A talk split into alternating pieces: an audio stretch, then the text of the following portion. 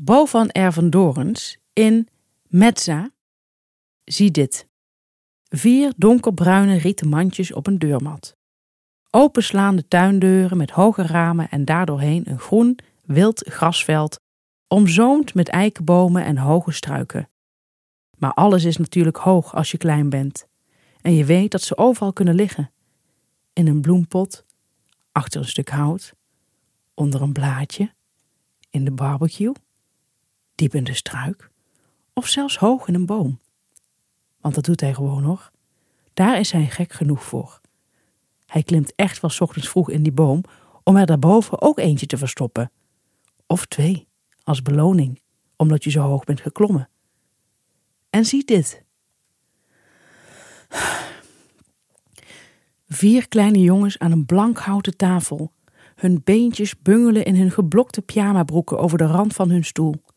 Ze eten een zacht ei uit een eierdopje met soldaatjes. Er kruipt een lange vlek van sinaasappelsap over het tafelkleed en er is vruchtensalade en paasbrood en er branden kaarsen, maar dat interesseert ze niets. Ze zijn met iets anders bezig. Het staat naast hun bord en kijkt hen met grote ogen en nog grotere oren aan. Een chocoladepaashaas. Helemaal voor zichzelf. Ze kunnen hun ogen er haast niet van afhouden.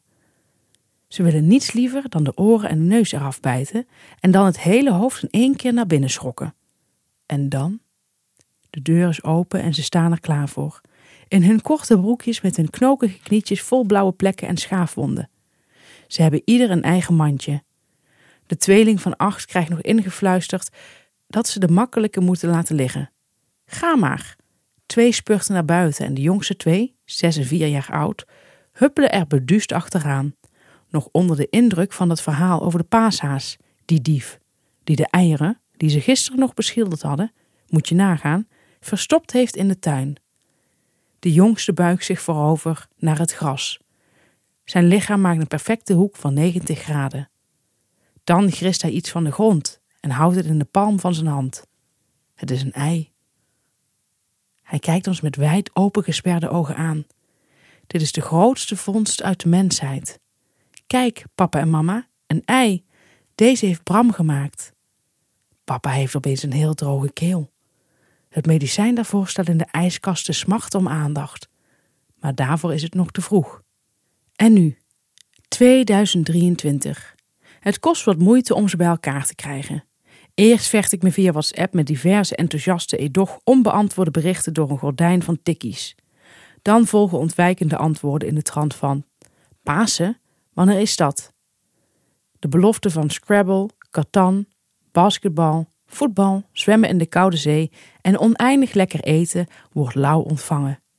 Ik moet voor één minuut onverdeelde virtuele aandacht concurreren met zes uur Netflix, HBO, Viaplay, TikTok, Snapchat, Instagram en zo verder.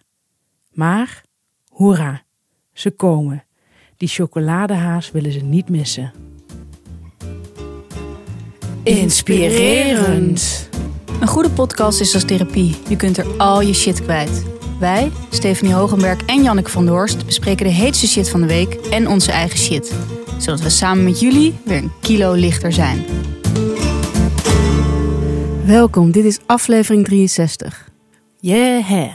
Ik durf het bijna niet te zeggen, maar dat we hier gekomen zijn. Het is ja, onvoorstelbaar. We hebben sprongen gemaakt. In de tijd.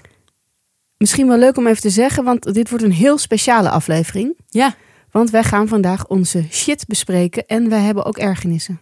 ja dat is heel, heel bijzonder. Ja. Ja, eh, we beginnen ehm, zoals altijd met de huishoudelijke mededelingen. Ja. Eh, als eerste huishoudelijke mededeling wil ik onze nieuwe kijkers verwelkomen, want we hebben weer nieuwe kijkers. ja. Welkom. Ik bedoel eigenlijk de Margrietlezer. Oké. Hallo allemaal.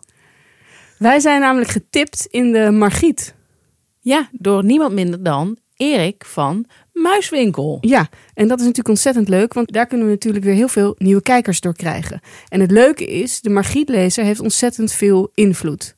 Absoluut. Dus welkom en ik hoop dat jullie blijven en het aan al jullie vriendinnen doorvertellen.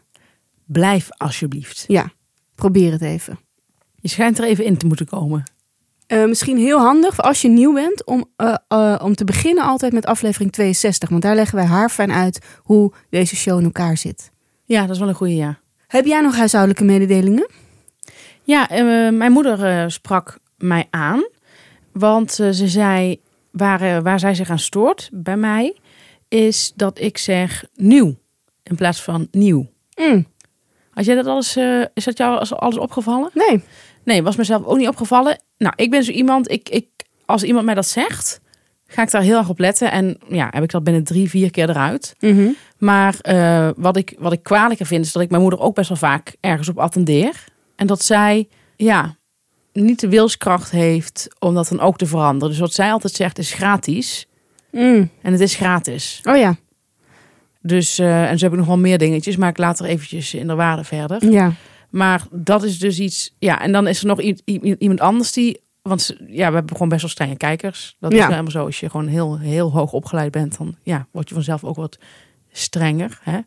Ehm, iemand zei dat wij heel vaak het stopwoordje dus gebruiken. En dat heb ik zelf al een keer gezegd in de shitshow. Dat klopt. Dat is echt iets rampzaligs. Eh, Ik hoop niet dat mensen er nu heel erg op gaan letten. Maar dat is inderdaad iets wat ja, in ieder geval ik best wel vaak gebruik. En het is echt, ja, het is echt een stopwoordje. Ik stoor me er helemaal niet aan. Dat is fijn. Omdat eh, ik inmiddels weet hoe het is om zo'n podcast in elkaar te draaien. Ja, Dat is eh, niet makkelijk. nee, En er gaat wel eens wat mis. ja. En er was nog kritiek op jou. En dat, eh, dat Oh. zei, ja, een vriend van mij, zei, die stuurde mij een audio. En die zei, hey, we hebben echt wel even een probleem. En ik schrok heel erg, want hij had een hele serieuze toon. Mhm. En hij zei, Janneke zegt, lees ze. Ik, ga, ik wil een boek lezen tegen de ontlezing. Dus, Dat zou ik nooit zeggen. Ik wil een boek lezen tegen de ontlezing. Zoiets debiels. Maar dus jij tipte de, de Anaconda. ja, Die nou trouwens de Woutertje Pieterse prijs heeft gewonnen. direct. Direct er- vlak, vlak daarna. eh, van Bibi Dumontac. En eh, jij zei, eh, ja, we hadden het weer eens over de ontlezing. Hè, onze, ons stokpaardje. En volgens hem zeg je dan ontlezing. Ja, dat zou heel goed kunnen, ja. Nou, dat vind ik ook heel mooi hoe jij daarmee omgaat. Ja, heel een beetje, zoals- een beetje zoals je moeder, denk ik. Ja, gewoon... Ik neem dat gewoon aan. Het klopt, dat hoor ik al veel vaker. Maar ik vind het wel brutaal. Ik denk niet dat een van mijn vrienden mij zou appen van... eh, eh, ik heb een probleem. Stefanie zegt tegelijkertijd. Maar goed, eh, ik hoor dat inderdaad al heel lang. En ik kan het heel moeilijk regelen. Ik heb dat niet zoals jij. Ik denk dat ik ook die wilskracht niet heb. Nou, ik heb, het ook, ik heb het ook niet bij tegelijkertijd. Nee. Dat is gewoon lastig. Het zit er gewoon in. En sommige dingen komen er gewoon niet meer uit. En ehm, toch zal ik het woord vaker gebruiken. Omdat het nou eenmaal... Iets heel- is, iets is wat je vaak doet. Ja, het is, het- ja dat, ik lees heel veel. Ja. Ja, nee, dat is niet te vermijden. Ja. Nou goed, ik heb nog een andere huishoudelijke mededeling. Oh, nog één. Ja, en dat is dat eh, ik heb twee krantverkopers bij de Albert Heijn bij mij om de hoek. Ja. En er is eentje die is heel... wat voor een krant? Ja, volgens mij een dakloze krantje of zo. En er is eentje die doet dat heel leuk. Die ehm, doet dan zo van, eh, eh, zo van hallo, goedemiddag. En hij laat je verder. Hij, Mhm. hij, hij, hij legt je dat krantje niet op. Mhm. Maar dat is er eentje, die is ongeveer twee meter. En die zegt dan, als je draaien binnenkomt, doet hij één stapje naar voren. En dan ga jij dus één stapje opzij. Je gaat een beetje zeg maar weg van hem. En zegt hij, mevrouw, alsjeblieft krantje kopen. Alsjeblieft krantje kopen. Smekend. Ja. Ja, en dat werkt niet. Nee. En dat zou ik hem zo graag willen zeggen. Want andere mensen lopen precies ook om hem heen. Terwijl die andere, die maakt heel vaak praatjes met mensen en zo. Dat is echt een vriendelijke vriend. En deze, die andere is ook vriendelijk, die van twee meter. Alleen hij pakt het niet goed aan. Ja. Hij snapt niet dat mensen dat eh, heel onprettig vinden om zo eh, smekend aan te worden gesproken. En dat is een les die geldt voor heel veel dingen. Smeken is vaak niet echt goed. Vind ik een goeie. Heb je daar nog voorbeelden van? Ja, eigenlijk alle exen die mij terug wilden, allemaal zijn ze gaan smeken. Ja. En ik zei nog tegen hun van doe even niet, weet je wel. Nee, want smeken werkt niet. Nee. Eh, maar echt zo aan mijn been hangen en zo. Mhm. En dat is, dat is voor mij iets wat gewoon niet werkt. Nee. Begrijp ik. Ook eh, van die mannen die, ehm, die dan met je naar bed willen en dan gaan smeken. Dat is ook zoiets treurigs. Ja. Nee, smeken is... eh, is natuurlijk zo'n staat van wanhoop. En niemand wil eigenlijk iets met wanhoop te maken hebben. Nee, Nee, heel goed. Dus jij koopt dat krantje niet. ik hoop het niet. Stef, heb jij nog iets op tv gekeken? Ja, ik heb een documentaire gekeken Zo, op Videoland. Voel je hem dan al aankomen? ik voel hem zeker aankomen. Wat denk je dat ik heb gekeken? Ik denk dat het over, ehm, heet die Kees? Ja, Over Kees gaat. klopt. Ja, Ja. Daar, heb ik, daar is veel om te doen, hè? Ja, dat is veel om te doen. Ja. Ehm, ik had er eigenlijk niet zo zin in. Ik, had, ik heb ooit van die documentaire genoten, zijn eerste Mhm. deel. Nou, toen bleek er het tweede deel te komen. Toen had ik, nou, weet je wel, je denkt dat je je portie wel hebt gehad. Maar toen bleek dat het toch wel meteen weer echt een hele lekkere documentaire is. En het is niet zo origineel om te zeggen dat je dit hebt gekeken, want iedereen in onze kring in ieder geval zit dit te kijken. Maar wat ik zo leuk vond aan Kees, is dat hij, ja, en dat is wat jij vorige keer zei, er is geen label voor jouw gekte. Waardoor jij, je hebt ook je mankementen, maar je kunt je niet Mhm. verschuilen achter iets. Nou, Kees heeft dat wel. Die mag gewoon de hele dag eerlijk zijn over Ja. van alles en nog wat. Nou, dat doet mij dat ook. Dus die zegt dan tegen eh, de schilder, die komt langs. Die heeft een kleur op de muur gedaan. En dan zegt Kees van, eh, ik vind het helemaal geen mooie kleur. Nou, dan zegt die schilder van, mhm. Ja, als jij zo hmm doet, dan, vind ik, dan weet ik niet of jij ja of nee bedoelt. Dat vind ik heel onprettig.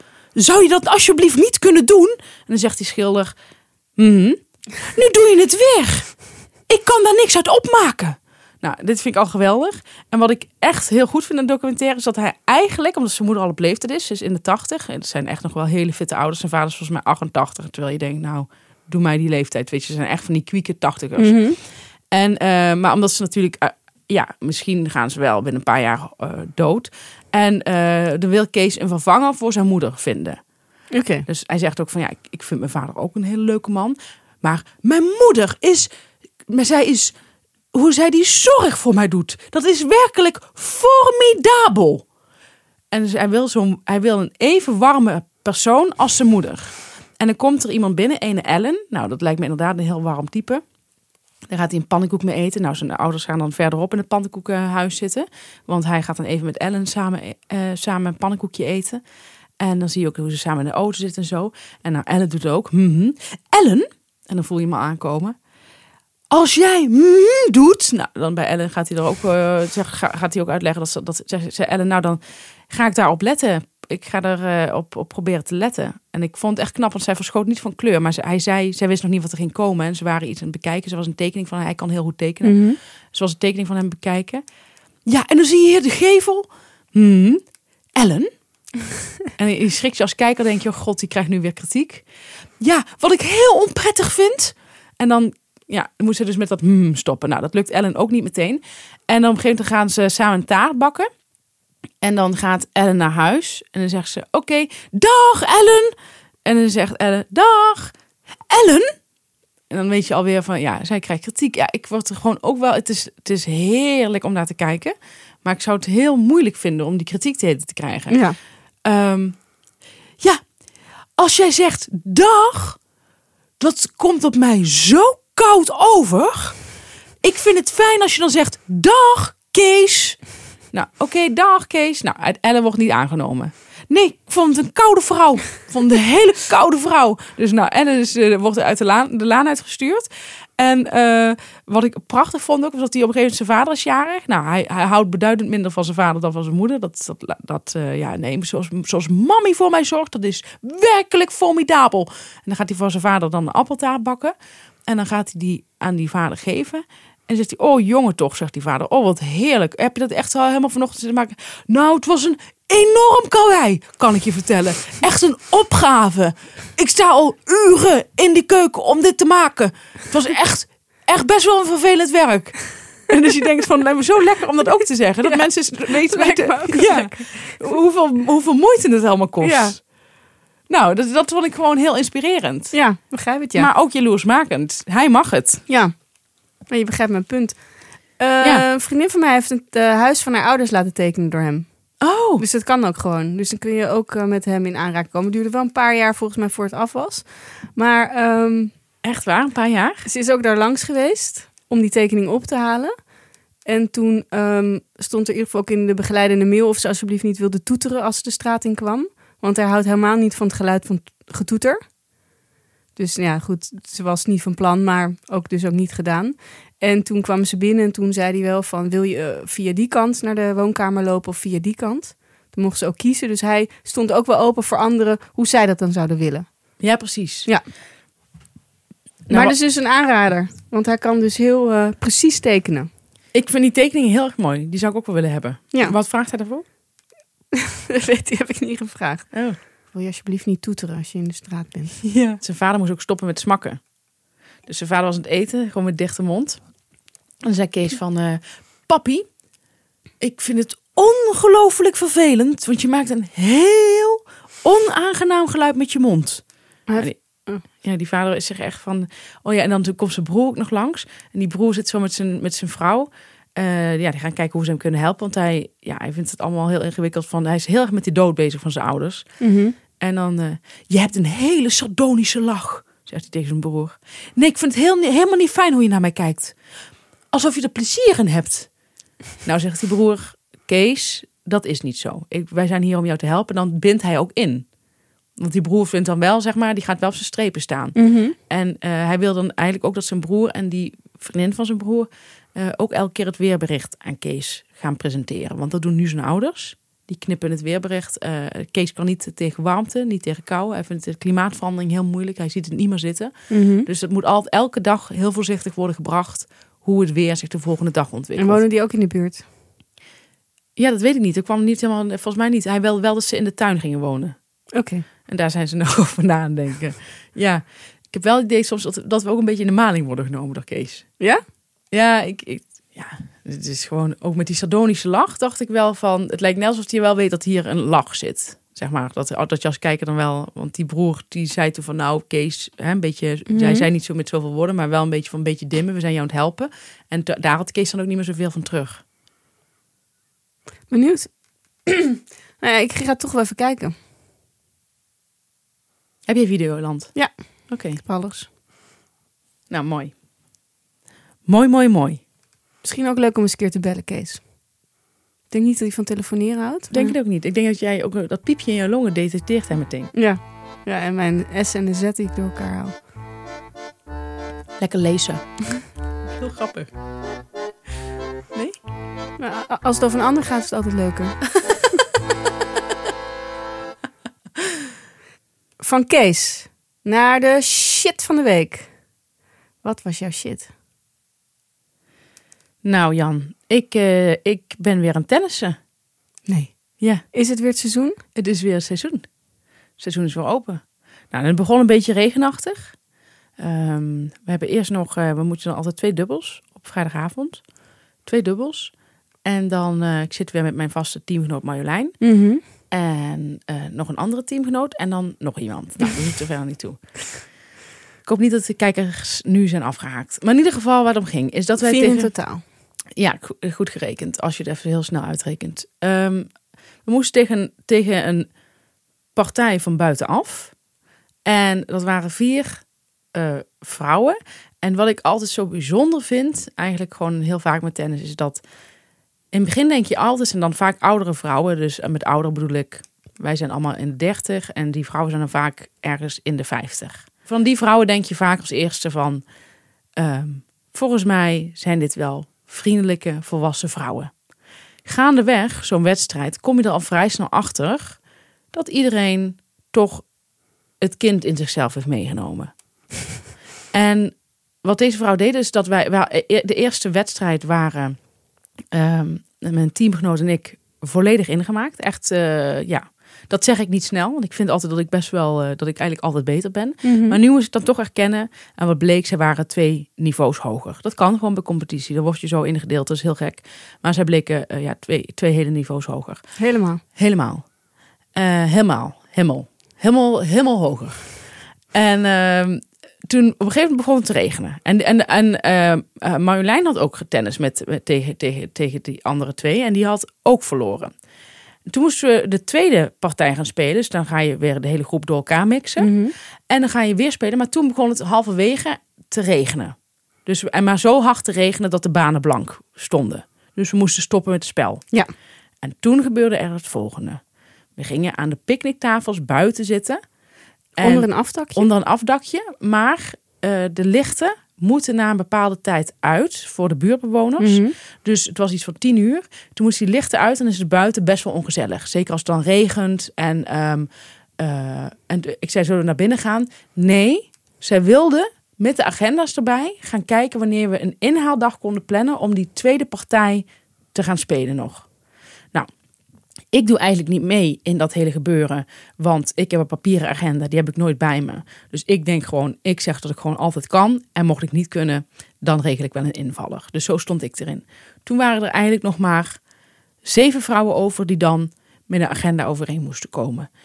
Nou, spoiler, dat is niet gelukt. Nee. Dat gaat niet lukken. Maar wat mij dan zo. eh, ik heb dus eigenlijk als een buitenstaander zitten kijken. Omdat ik gewoon kon kijken van ja, ik dacht van nou, ik kan zogenaamd altijd. Dus ik heb een beetje naar, dat, ja, ehm, ja, naar die discussie zitten kijken. En ze gingen echt. Oké, eh, 26 april. Nee, kan ik niet. Oké, nou, kon er eentje niet. Oké, want je moet in de, als, je, als je de wedstrijd bent begonnen, moet je namelijk in diezelfde samenstelling spelen. Ja. En ehm, dan, dus elke, ze gingen alle datums opnoemen.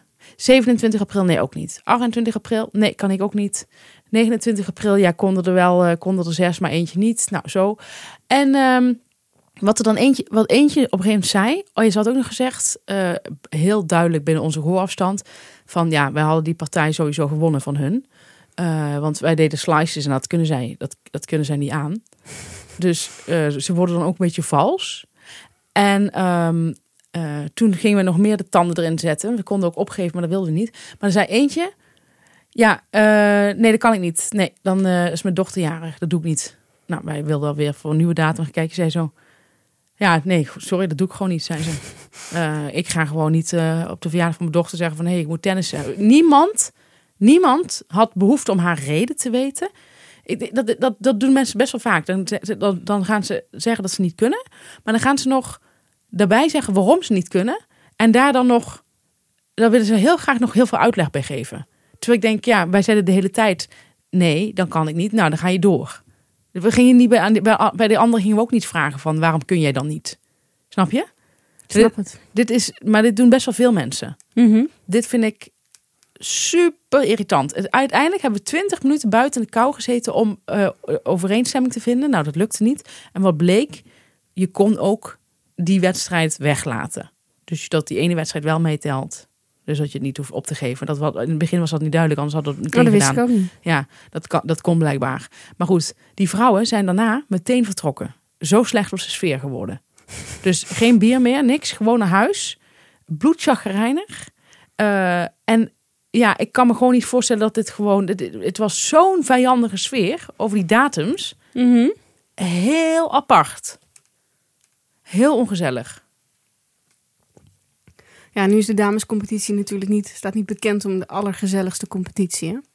Nee, maar dat is toch... Ik, ik, dat is wonderlijk. Ja, Wonderlijk. het is wonderlijk wat werkt. je allemaal tegenkomt. Nou, zeker dat herinner weten. ik me ook nog wel. Van teams waar je een wijze klik mee hebt. Ja, En moet lachen en eh, elkaar omhelst bij het eh, weggaan. ja, Van teams waarbij je, waar de sfeer zo gespannen is. ja. Dat, er echt, dat je echt kippenvel hebt. Ja, dat is echt. Ja, omdat je, omdat je in een team zit, kun je het goed dragen. En is Ja. dat ook grappig. Soms heb je ook ergens dat je echt aan een, aan een aparte tafel gaat zitten. Ja. Ik vind sowieso met tennis dat, dat, dat. Ik had ook in de zomer een toernooi, een één op één toernooi. Met een vrouw. En dan had ik, had ik gewonnen. En ik had iets met 6-2, 6-3 gewonnen. En toen zei zij bij, toen we een drankje ge- ge- gingen doen daarna, zei ze. Ze zei, ja, ik vind het zo grappig. Omdat ik duidelijk beter ben. En dat je dan toch nog kunt verliezen, zei ze. En bloedserieus. En ik, ik blijf dan ook beleefd. Ik ga daar helemaal, ik ga daar helemaal niks van, niks van zeggen of zo. Ik ga dan niet Nee, zeggen maar van, je ik, staat daarboven. ik sta daarboven. Ik ben echt een volwassen ouder dan. Ja. En dan zie ik het kind zitten. En dan denk ik, ach god, Mhm. het kind heeft een klap gekregen.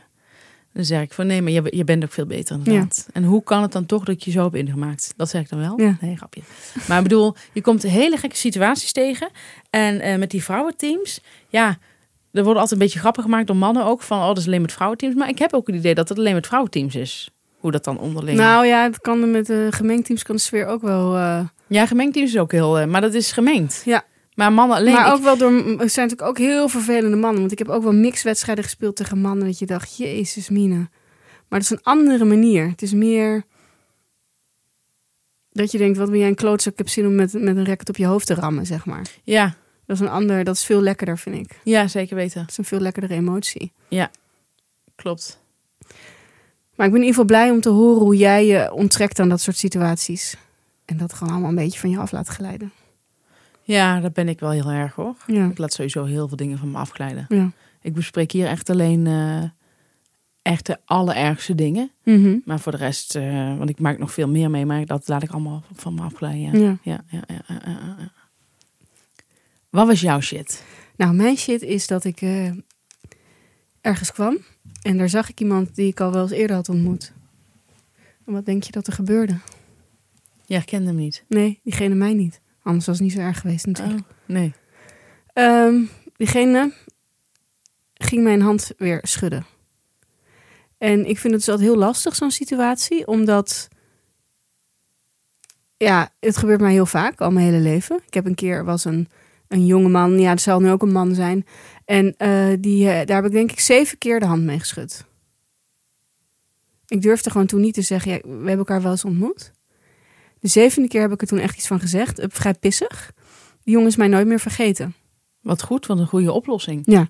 Dus, maar eh, ik vind het heel lastig. Aan de ene kant kan het soms ook heel fijn zijn, want als mensen je niet herkennen. Kijk, ik heb het nu niet over, over mijn shitshow bekendheid, hè? Nee, nee. Nee, nee, dat, dat is heel anders. Ja, ja. Eh, maar als je gewoon echt mensen de hand hebt geschud en je hebt elkaar ontmoet. En diegene die schudt jou dan later weer de hand. En is En- het voor, ja? En je ziet dat het geen arrogantie is. Kijk, als het arrogantie is, dan zeg ik, wij kennen elkaar hoor. Dan heb je die toon. Wij kennen elkaar hoor. Ja. Maar als je ziet dat het geen arrogantie is, ehm, vind ik het lastiger. Ja, ja. Omdat ik ook weer niet dan wil zeggen, wij kennen elkaar hoor. En dan de ander misschien eh, zich zorgen gaat, maken over, zorgen gaat maken over zijn geheugen. Maar voor mij is het heel vervelend omdat je het gevoel hebt dat je niet te onthouden bent. Ja, ik snap het. Ja, ik heb hem. Ik heb hem. Ja? Ja. En dat vind ik gewoon shit. Ja. Dat begrijp ik. Ja. Ja, wat ik meestal doe, ehm, ik maak het zelden mee. Maar als ik het meemaak, dan is het bij mij gewoon meteen eh, hop, erop. Oké. Ja. Hop erop. Ja. ja. Nou, dat vind ik een goede tip. Ik heb een keer meegemaakt dat ik in de rij stond van een tijdschriftenwinkel. Mhm. Ja. Was een heel bijzonder tijdschrift, kwam eruit. Nou, dat lijkt zo, hè? Maar dat, stond, dat was zaterdagmiddag. Er stonden iets van vier mensen in de rij. Oh ja, dat is wel hoopgevend. Ja, hoopgevend. En toen zei de jongen van achter de balie, wij keken elkaar zo aan. Ik dacht van, oh, ik ken hem ergens van. En dat dacht hij blijkbaar ook. Zei hij, hebben wij niet een keer getongd? En dat, Janneke, wil je ook niet meemaken. Nee. Nee. Zeker niet als er nog mensen achter je staan. En zeker als het ook niet klopt. Oké. Dat was echt niet waar. Nee. Maar dat kun je dus ook zeggen voortaan, hè? Ja. Van, we hebben nog getongd. Maar goed, Moet je eens kijken hoe die, hoe die kakkers dan reageren. want dan ben ik bang dat ze zeggen, oh ja, klopt. Ja, en dan? Ja, en dan, dan is me, heb ik, gaat mijn naam eraan. Oh ja. Ik was heel kritisch. Nou ja, Jan, eh rottig. Maar ik denk, eh, sinds jij die oorbellen in hebt, dat het je niet meer snel zal overkomen. Nee, dat klopt. Nou, gelukkig.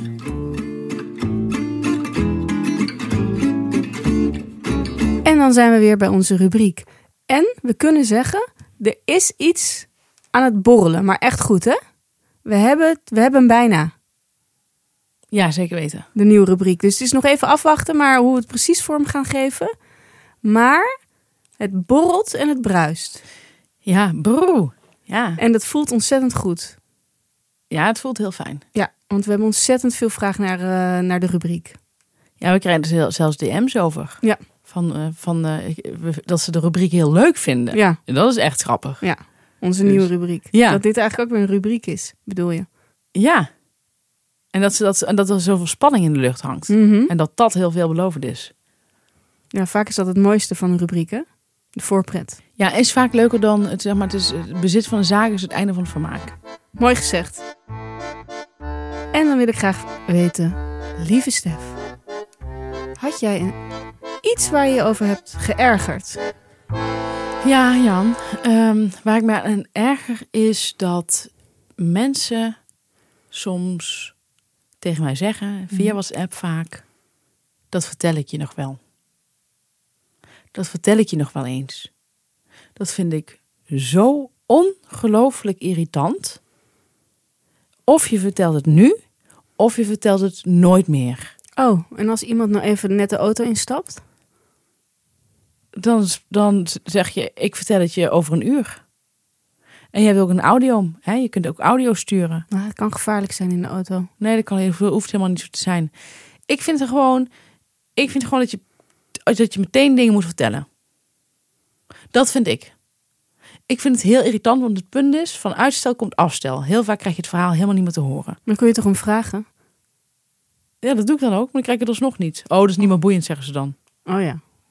Maar ik, ik, wat mijn ervaring hiermee is, is dat het verhalen die niet meteen verteld moeten worden, waar niet die oerdrang in zit, zijn vaak ook niet super boeiend. En als ze nog wel later boeiend zijn, dan blijf ik er gewoon nog vragen: hoe zat het nou daar en daarmee? Hoe zat het nou daar en daarmee? Als iemand tegen mij zegt: Ik heb nog een heel leuk verhaal over die en die. Dat vertel ik je nog wel, dat kan niet. Dat moet ik ook meteen weten. Ja. Nou ja, ik ken iemand die zegt dan, die zegt dan, ik vertel het je liever in het echt. Maar ik zie die persoon bijna nooit in het echt. Ja. En die is dan zo paranoïde dat hij bang is dat via WhatsApp allemaal mensen meelezen en zo. En dan denk ik, oké, ik heb ook wel eens één dag zo'n para, paranoïde aanval. Ja, of Ehm, dat je het met iemand anders deelt. Bijvoorbeeld. ja, maar ik vind als je elkaar toch een beetje kent, dan weet je toch dat het gewoon, ik bedoel, dat ik vind dat je een andere, dan, dan, dan geef je eigenlijk aan dat je mij niet vertrouwt. Dat vind ik echt heel stom. Ja, of echt totaal paranoïde bent. Ja. Dus hoe je het ook wendt of keert, is het gewoon een uitspraak van idioten. Oké. Wat was jouw ergernis? Ja, ik heb ook een ergernis. Meestal, als ik een compliment krijg, is dat wel terecht. Ja. Herken jij dit? Ja. Zelf ook? Ja. Maar soms krijg je ook complimenten, complimenten waarvan je denkt, nou, valt wel mee. Ik had vroeger een vrouw op de tennis en die was op een of andere manier weg van mijn spel. En die was niet zozeer weg van mijn spel als wel van mijn motoriek. Ik heb best wel een rare motoriek. Dus elke keer kwam ze bij mijn tennis kijken en dan ging zij er mij daarna overladen met complimenten van hoe bijzonder mijn motoriek was. Wat lekker. En zij meende dat. Maar ik schaamde me natuurlijk, want er stonden allemaal mensen bij die heus wel wisten dat ik een best wel een rare motoriek heb. Ik zou echt graag jou een keer willen zien tennissen. Ja, dat kunnen we een keer doen. Dat is Ehm, heel, heel lang, maar goed. Ja, nou ja, ik hoorde laatst met padellen ook dat mensen bang worden als ik uit ga halen. Dus er zit ook iets van agressie en er zit van alles bij. En eh, zij zei dus op een gegeven ogenblik tegen haar man: Vind je ook niet, Paul, dat Janneke zo'n prachtige motoriek heeft? Bijna Aziatisch. En die man die dacht: Ja, want die zag wat er werkelijk gebeurde met mij en mijn motoriek. Ja. Maar die vond het ook lullig naar mij, want ik stond er wel bij. Maar ik voelde me ook heel erg lullig, want ik dacht ook... Ja, maar ik zie, het ziet er niet uit hoe ik aan tennis ben. Ik had er wel eens een filmpje van gezien. Het ziet er gewoon echt niet uit.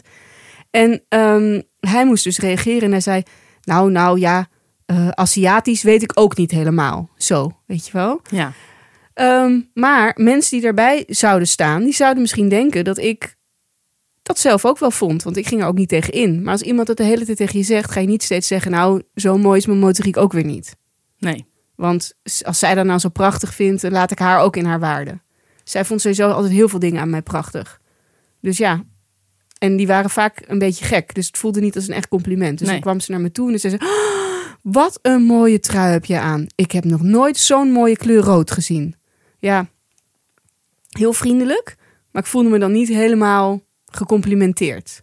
Nee. Omdat het een hele normale trui was. Het was echt, echt niet niks bi- bijzonders aan die kleur rood. Of, dus het was niet dat mij dat aan raakt, die complimenten. Dat ik daar me beter door voel. Maar ik ga dan niet zeggen, nou zo mooi is die kleur niet. Nee. Grijp je waar ik naartoe wil? Ik begrijp waar je naartoe wil. Oh, het zou, zelf, zou van, van mij zelf een raadsel zijn, namelijk als ik nu zat te luisteren. Ja, het is een beetje lastig, maar wat ik alleen maar wil zeggen is dat als je, op, kan- als je complimenten die misschien niet helemaal kloppen, als je die niet afzwakt, betekent het niet dat je die complimenten voor waarheid aanneemt. Ja. Maar soms spaar je ook de gevoelens van de complimentgever. En ik heb namelijk laatst zo'n soort reactie gekregen dat iemand zei eh, dat ik altijd heel erg eh, hoog van de toren blazen over hoe ik tennis. Ja. Dat komt omdat Tegen mij, hè, zei diegene dat. Ja. En dat komt dat diegene was vaak in een gezelschap van mensen die minder goed kunnen tennissen dan ik.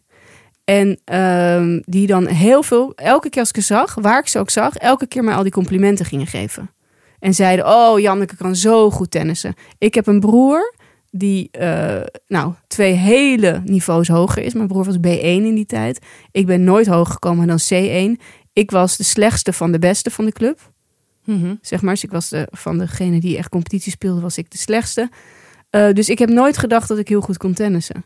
Maar als, als mensen dat de hele tijd tegen je zeggen en je bent op toernooitjes waar jij inderdaad een van de betere bent, ga ik niet de hele tijd zeggen, nou, ik kan echt niet goed tennissen hoor, zo goed ben ik niet. Nee. Heb ik in het begin wel eens gezegd, maar op een gegeven moment hou je erover op. Als diegene dat nou vindt en als je dat nog gaat zeggen, nou, ik ben helemaal niet zo goed, dat wordt vervelend. Dat was vervelend. En ook, eh, het is ook weer een beetje heel vrouwelijk om het af te gaan zwakken.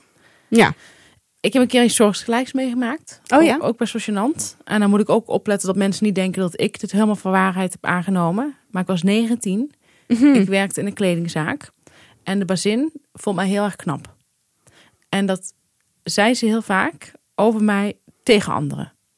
En dan zei ze op een gegeven moment tegen de andere collega's... vinden jullie haar ook niet sprekend op Cindy Crawford lijken? ja En die zie ik het. En die anderen zeiden... Mhm. Snap je? En omdat ik er niks van zei, van nee, dat is niet zo. Want dat vind ik eigenlijk juist meer doen alsof je erin gelooft. Dus ik zei er niks op. Mhm. Vond het natuurlijk wel leuk dat ze, dat ze me daarmee vergeleek. Maar die andere collega's hoorden gewoon denken, ja, zou ze willen. Dus dat was ook best wel vervelend. En zelfs als ik het nu navertel, voelt het ook heel erg. eh, Ja. Nou ja, zoiets vertel je ook niet snel na. Dus dat is, dat is ook weer zoiets. Maar ik was 19, hè? Ja, dus, dus, ik was wel iets ouder, maar je Nee, maar ik bedoel verdient. 19, omdat mensen dan nu gaan denken van, ja, je lijkt daar niet op. Maar toen Nee. je 19 was wel. toen ik 19 was wel. Ja, ik begrijp het. Ja, maar ik snap helemaal je punt. Ja. Het is eh, heel vaak dat als mensen dat gaan zeggen, het is ook met schrijven. Als anderen je complimenteren of je schrijven is heel leuk in de openbaarheid. Alleen het krijgt toch al snel. Het, eh, mensen kunnen ook het idee krijgen dat jij jezelf heel erg goed vindt. Ja, En zo werkt dat niet helemaal. nee. Dus het is leuk, die complimenten. Maar het is niet dat jij dan altijd super zelfverzekerd achter je toetsenbord zit. Nee. En daarom heb ik eigenlijk ook afgeleerd. En had ik laatst ook een beetje spijt dat ik over een bepaalde columnist had gezegd dat ze niet kon schrijven. Eh, want eigenlijk zit dat meer bij de krant, vind ik. Iemand, de krant die zo'n schrijver vraagt. Dat, daar zit meer mijn ergernis eigenlijk. Mhm. Maar eh, dat moet ik eigenlijk ook niet meer doen. Omdat dan ook lijkt alsof ik mezelf heel erg goed vind kunnen schrijven. Als je anderen, anderen over anderen zegt, die kan niet schrijven Ja. in het openbaar. Dat moet ik, toch, moet ik gewoon niet meer doen. Ik heb mezelf, ik fluit mezelf daar even terug. ja, knap. Wel knap hoe jij dat altijd doet. ja, dankjewel. En dat je, wat je zei, je hebt die wilskracht om jezelf te verbeteren. Achter weet ik niet. Dat weet ik niet. Maar goed, dus eh, nou, ik denk dat het voor de kijkers soms wel lastig wordt hoe het nou moet met die complimenten naar ons. Ja. Blijf ze wel vooral, vooral geven. Nou, dat is basisregel 1. Ja, Geef, zeg maar, kijk, wij hebben onze, onze, onze kronkels. Mhm. Maar jullie kunnen gewoon blijven geven, inderdaad. Gewoon plempen. Ja. Ehm, er is wat dat betreft geen verzadiging bij ons. Nee, nee, zeker niet. Wel blijven geven, zeker weten. Ja, ja, ja. ja, ja, ja. Eh, liefst het openbaar. Gewoon altijd over blijven, maar niet over mijn tennis. Nee, nee. Want dan zei je Maar, maar wel over het uiterlijk van Stef.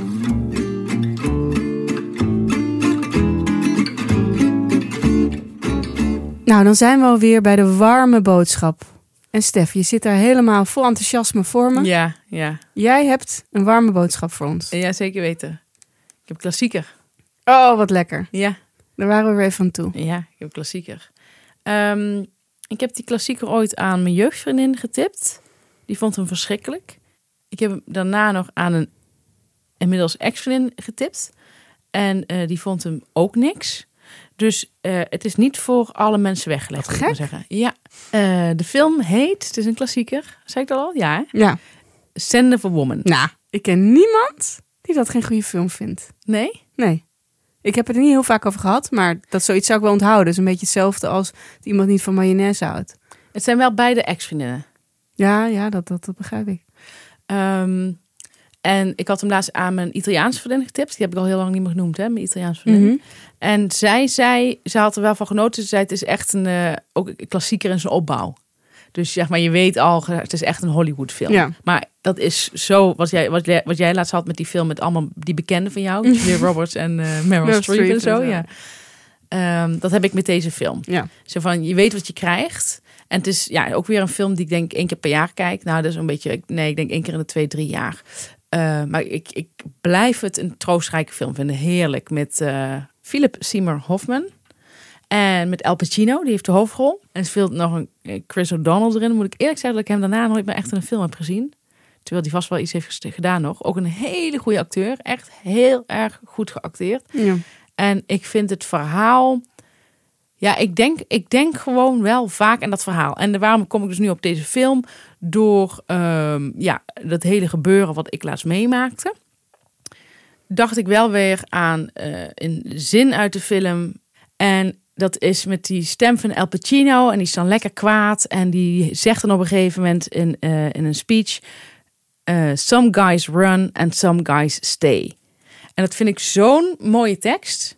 En daar denk ik echt heel vaak aan. Bij als je dus zeg maar problemen hebt of uh, er is iets aan de hand. Je hebt gewoon, je hebt de lafbekken en je hebt de mensen die je helpen. En je hebt de mensen die, terwijl je op de grond ligt, nog eens tegen aan gaan trappen.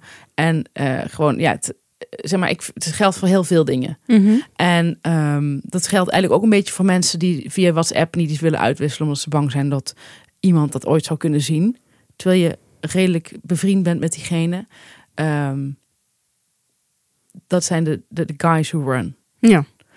En um, ja, zo, zo trek ik het op heel veel manieren door. Ja. En ik vind het een hele, ja, en ik vind het een heerlijke film. En ik heb hem dus eergisteren weer gezien. En wat ik zo grappig vind is dat er dan ook uh, uh, het is een gedateerde film, maar of tenminste, hij komt uit de jaren negentig. Maar dan zeggen ze zo, in, zitten ze in een heel lekker restaurant in de Oak Room, in een heel mooi hotel, in het Hilton volgens mij. En dan uh, bestelt El Pacino een hamburger van 24 dollar. En in dan, die tijden? In die tijden. Maar zeg maar, inmiddels is een hamburger van 24 dollar gewoon normaal. Mm -hmm. Dus toen hebben ze iets gekozen wat exorbitant moest voorstellen, een exorbitant bedrag. En nu kijk je ernaar denk je, ja, jullie hadden nog iets gekkers moeten bedenken, weet je wel. Nou, dat is gewoon zo ontzettend leuk. Dat ja. de tijd ook zo, uh, zo, zo kan spelen met zo'n film. Mm -hmm. Zo leuk. Maar goed, ik zou hem aanraden. Uh, hij draait op, uh, hij, is, hij is op Netflix te vinden, volgens mij. En anders wel op Disney. Ja, en anders dan zetten we het even bij de show notes en dan kun je daar gewoon klikken. Zetten we gewoon bij de show notes. En dan, dan zie je het vanzelf. Ja, nou, en nog één ding over de film wat ik ook zo leuk vind, is dat uh, het gaat dus over een jonge student die op Baird zit, uh, met allemaal rijke luis uh, jongens. En hij is iemand die geld moet verdienen om, om naar huis te kunnen met vliegtuig. Wat, wat ik zo romantisch aan de film vind, is dat hij dan iemand ontmoet die hem hij heeft een pro probleem en dat, dat, dat hij iemand ontmoet die hem kan helpen met dat probleem. Maar Ja. op best wel toevallige wijze dat dat gewoon samenkomt. En dat, dat is, daar heb ik vaker dagdromen over gehad. Dat je zo iemand ontmoet die voor jou in de bres springt. Ja, Ik wil natuurlijk niet te veel verklappen, maar dan verklap ik eigenlijk alles, hè? van de film. Ja, Ik denk dat het wel kan. oké. Nou, en dat vind ik zo mooi eraan. En toen ik zelf, toen ik die film ooit voor het eerst keek, toen was ik denk ik een jaar of 16. En uh, toen vond ik dat, had ik dat ook al. Dat ik dacht van, ik hoop dat ik ooit iemand in mijn leven ontmoet die uh, Ja. met wie je in, in korte tijd zo'n zo'n band opbouwt. Dus ik denk dat daarom, daarom heb ik, nog, heb ik zo zulke goede herinneringen aan. Ja, Sender for Woman. kijken of herkijken. Ja, precies. Dat is een goeie. Mooi gezegd. Ja, dank. Wat is jouw warme boodschap? Mijn uh, warme boodschap is Hanni Michaelis. En Hanni heeft tijdens de oorlog, en dan heb ik het over, natuurlijk over de Tweede Wereldoorlog, heeft zij een dagboek bijgehouden. En dat dagboek wil ik tippen. Het heet Oorlogsdagboek. Had ik dat al gezegd? Nee. Het heet Oorlogsdagboek. Ja. En um, ja, ik wil het gewoon aanraden. Het is namelijk, ze schrijft het, ze is, uh, als, als, het begint, dit dagboek, zit ze uh, op het gymnasium, Vossius, in Amsterdam. Nou ja, ze beschrijft haar leven terwijl de oorlog zijn intrede doet in dat leven. Ja. Zij heeft zelf ook van Joodse afkomst. Um, en um, zij beschrijft hun leraren. Ze had ook best wel bekende leraren. Hun geschiedenisleraar was J. Presser. Uh, je komt allemaal bekende namen wel tegen. En um, ze beschrijft ook hoe haar uh, leraar uh, Grieks of klassieke talen, dat weet ik even niet, ehm, steeds meer de, de foute kant op gaat in alles wat hij zegt en uitdraagt eh, binnen die lessen. Maar dat is misschien eens het interessante. Nu ga ik even in op details. Maar het is een heel. Ze schrijft ontzettend goed. En het, het leuke is, of het interessante eraan is, dat ze dus en zo goed schrijft. En een hele scherpe pen heeft. Ze is heel kritisch op Nederlandse literatuur. Zij leest heel veel in het Duits, want ze spreekt heel goed eh, Duits. Ze beheerst de Duitse taal heel goed. Haar, haar ouders komen daar ook vandaan. En ehm, ze is ontzettend slim en ontzettend scherp en ook heel erg eerlijk. Ook naar zichzelf toe. En ehm, ja, het, het mooie aan het dagboek is denk ik dat terwijl die oorlog zijn intrede doet en dat heeft een, drukt een grote stempel op haar leven. Uh, ook uh, door angsten die ze heeft in het begin uh, met bombardementen, et cetera. Dat ze ook ondertussen nog verliefd is en een puber is. -hmm. Ik zal verder niet te veel vertellen, maar zij, het is een heel slim meisje. En op een gegeven ogenblik gaat zij ook onderduiken. En dan is zij uh, uh, bij een. Uh, gaat zij ook onderduiken bij allerlei orthodox-protestantse gezinnen. En is ze daar de dienstmeid. Dus zij is voor een soort cultuurschok. Ze komt er best wel uit een. Komt uit best een intellectueel gezin. En nou, zij weet heel lang niet wat het lot is van haar ouders. Nou goed, daar, het is heel goed geschreven. En wat ik ook zo interessant vind, is dat deze dagboeken zijn gevonden bij haar dood. Zij is nog vrij oud geworden. Yeah. Zij vond zichzelf niet goed genoeg om uit te geven. Oh. Dus ondanks alle oorlogsdagboeken die in die tijd allemaal uitkwamen, heeft zij blijkbaar niet gedacht of niet de, de waarde ingezien van deze dagboeken, terwijl ze echt heel erg goed zijn. Dat is echt interessant. Ja. Dat heb je heel vaak met de goeie. Ja. Waarmee ik niks wil zeggen over mezelf. Nee, natuurlijk niet. Maar het is wel uh, mooi kloten. Ja. Het wordt allemaal maar uitgegeven. Iedereen geeft maar uit. Ja. Ik zou ook denken dat als je, dat als je zoiets hebt meegemaakt, dat dan alles wel uh, de moeite waard is om uit te geven. Dat vind ik er zo gek aan. Ja. Dat je dan nog streng gaat zitten zijn. Ja. En dat geeft denk ik ook, en verbeter me als het niet zo is, haar kracht heel erg weer, of niet?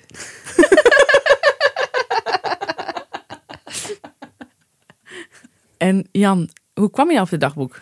Ik ben altijd benieuwd naar. ja, dat weet ik gewoon even niet meer, want ik heb hem al een hele tijd geleden gekocht. Maar via boekwinkeltjes. Want het is Ja, een- het is een tweedehands, het is niet meer nieuw te krijgen, Ehm, denk ik. Ehm, het is bij Van Oorschot uitgegeven.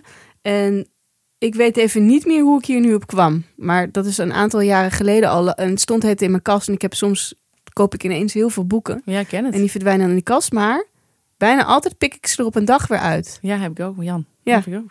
En dat is met dit boek ook gebeurd. Ja. Soms heb je eventjes, denk je van, ja, die oorlogsdagboeken, dat, dat voelt nu goed. ja. Even lekker eh, min op min, hè? Ja. Toch? Sowieso kan ik het wel zeggen. Dus een aanrader. Leuk. Mocht je van dagboeken houden. Want dat is natuurlijk ook een genre waar niet iedereen van houdt. Ik hou er heel erg van. Nu zijn we alweer aan het einde van show 63. 63. En wat was het weer een show? Och man. Wat hebben we veel meegemaakt op de tennis en met tennis. En, nou, veel tennis. En, en veel complimentjes. Ja, En geen complimentjes. of verkeerde complimenten. Over mijn boek zeggen mensen nu... Lees lekker weg. Kan ik dat op de valreep nog even zeggen? Ja, dat kan wel. Dat het niet per se een compliment is voor een schrijver. Nee. Maar het Alhoewel ik het wel kan waarderen, boeken die lekker weglezen. Ja. Want dat is ook een kunst. Ik ook, maar ik zou het zelf nooit zo noemen. Ik zou zeggen, Nee. het is zo soepel geschreven... Ja. Dat, je er, dat, je, dat het heel... maar jij hebt die woorden. Niet iedereen heeft daar de woorden Nee, voor. maar dat, en dat tippen wij dan. Oh, dat is tip, want, ja. want er zijn er ook natuurlijk etiketten doen wij, hè? Hoe je dat beter kan zeggen. Ja, dus als eh, zeg niet het leest lekker weg, maar zeg het is echt heel soepel geschreven. Ja. Beetje steurig. Is ook een, nee, ook een woord. Mooi woord. Oké. Jan, wat gaan we doen bij Vriend van de Show? Ja, dat is even een verrassing. Ja, zullen we de verrassing laten? Ja. Gaan we ze echt lekker even verwennen. Ja, zeker weten. Die mensen die eh Nou, voor vond je onze dit, piepshow hebben betaald. ben jij een kijker van deze show en vind je dit een leuke show? Laat dan een positieve reactie achter op, Instagram? Nou, social media is altijd een heel goed platform. ja. Dan weten anderen ook, weet je wel, van hé, hey, misschien is dit ook iets voor mij. Ja, dat is echt een goede tip. Ja. Volgens mij hebben we die niet, niet eerder ooit gegeven. Nee, ook wij leren. Absoluut, absoluut. Nou, wij, hebben, wij zien de meeste mensen nog achter eh, Vriend van de Show. En voor de rest zeggen we tot volgende week, tot volgende 64. Ja, zeker weten. Tot volgende week. En voor de anderen, tot straks.